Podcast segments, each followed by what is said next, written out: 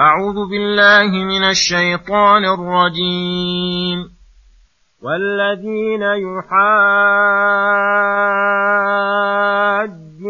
في الله من بعد ما استجيب له حجتهم داحضة عند ربهم وعليهم غضب ولهم عذاب شديد الله الذي انزل الكتاب بالحق والميزان وما يدريك لعل الساعة قريب يستعجل بها الذين لا يؤمنون بها والذين آمنوا مشفقون منها ويعلمون أنها الحق. ألا إن الذين يمارون في الساعة لفي ضلال بعيد. الله لطيف بعباده يرزق من يشاء وهو القوي العزيز. من كان يريد حرث الآخرة نزد له في حرثه ومن كان يريد حرث الدنيا نؤته منها وما له في الآخرة من نصيب. بسم الله الرحمن الرحيم. السلام عليكم ورحمة الله وبركاته. يقول الله سبحانه والذين يحاجون في الله من بعد ما استجيب له حجتهم داحضة عند ربهم وعليهم غضب ولهم عذاب شديد. وهذا تقرير لقوله لا حجة بيننا وبينكم. فأخبر هنا أن الذين يحاجون في الله بالحجج الباطلة والشبه المتناقضة من بعد ما استجيب له أي من بعد ما استجاب لله أولو الألباب والعقول لما بين لهم من الآيات القاطعة والبراهين الساطعة.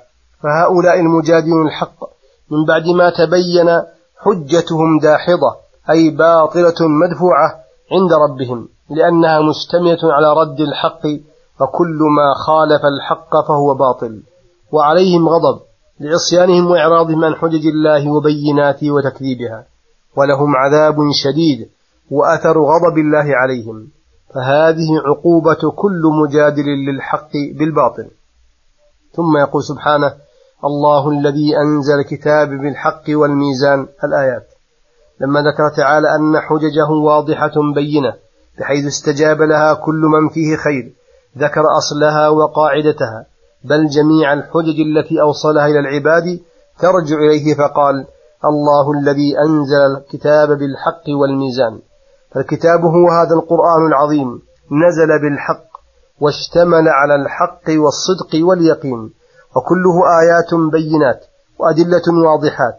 على جميع المطالب الإلهية والعقائد الدينية فجاء بأحسن المسائل وأوضح الدلائل وأما الميزان فهو العدل والاعتبار بالقياس الصحيح والعقل الرجيح فكل الدلائل العقلية من الآيات الأفقية والنفسية والاعتبارات الشرعية والمناسبات والعلل والأحكام والحكم داخلة في الميزان الذي أنزله الله تعالى ووضعه بين عباده. ليزنوا به ما أثبته وما نفاه من الأمور ويعرفوا به صدق ما أخبر به وأخبرت به رسله مما خرج رسله مما خرج عن, عن هذين الأمرين. عن الكتاب والميزان. مما قيل إنه حجة أو برهان أو دليل أو نحو ذلك من عبارات فإنه باطل متناقض قد فسدت أصوله وانهدمت مبانيه وفروعه. يعرف ذلك من من خبر المسائل ومآخذها.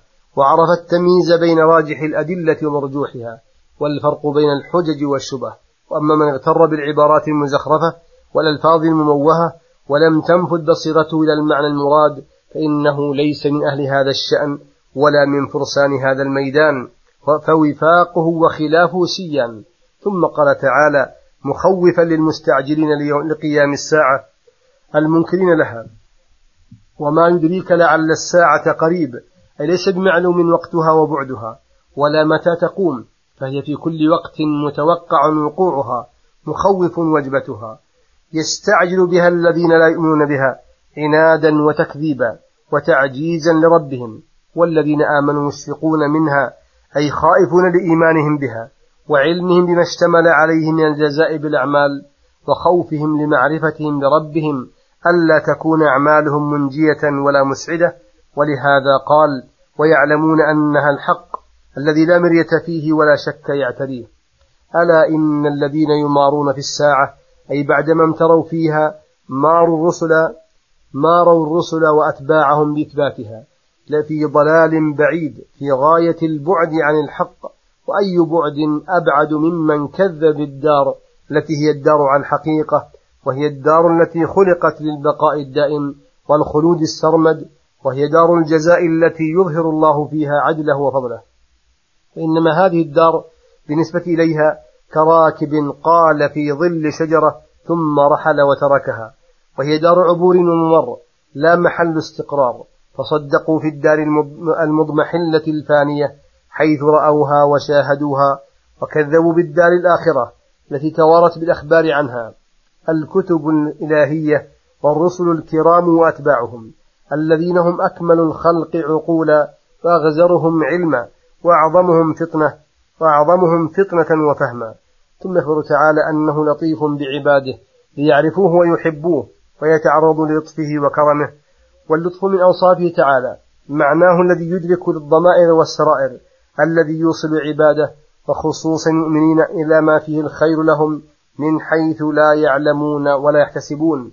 فمن لطفه بعبده المؤمن أن هداه للخير هداية لا تخطر بباله من بما يسر له من أسباب الداعية إلى ذلك من فطرته على محبة الحق والانقياد له وإيزاعه تعالى لملائكته الكرام. أن يثبتوا عباده المؤمنين ويحثوهم على الخير ويلقوا في قلوبهم من تزيين الحق ما يكون داعيا لاتباعه.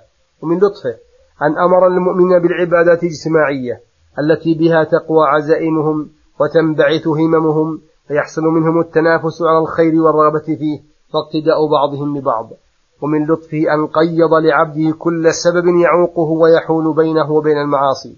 حتى إنه تعالى إذا علم أن الدنيا والمال والرياسة ونحوها مما يتنافس فيه أهل الدنيا تقطع عبده عن طاعته أو تحمله على الغفلة عنه أو على معصيته صرفها عنه وقدر عليه رزقه. ولهذا قال هنا يرزق من يشاء بحسب اقتضاء حكمة ولطفه وهو القوي العزيز الذي له القوة كلها فلا حول ولا قوة لأحد من المخلوقين إلا به الذي دانت له جميع الأشياء. ثم قال تعالى من كان يريد حرث الآخرة أي أجرها وثوابها فآمن بها وصدق وسعى لها سعيها نزد له في حرثه بأن نضاعف عمله وجزاءه أضعافا كثيرة كما قال تعالى ومن أراد الآخرة وسعى لها سعيها وهو مؤمن فأولئك كان سعيهم مشكورا ومع ذلك فنصيب من الدنيا لا بد أن يأتيه.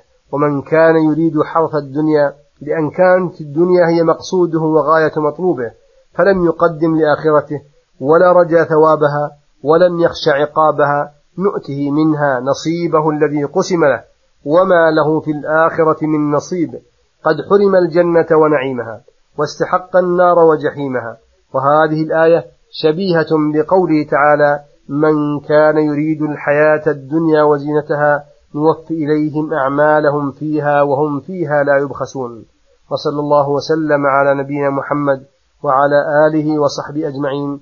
وإلى الحلقة القادمة غدا إن شاء الله. والسلام عليكم ورحمة الله وبركاته.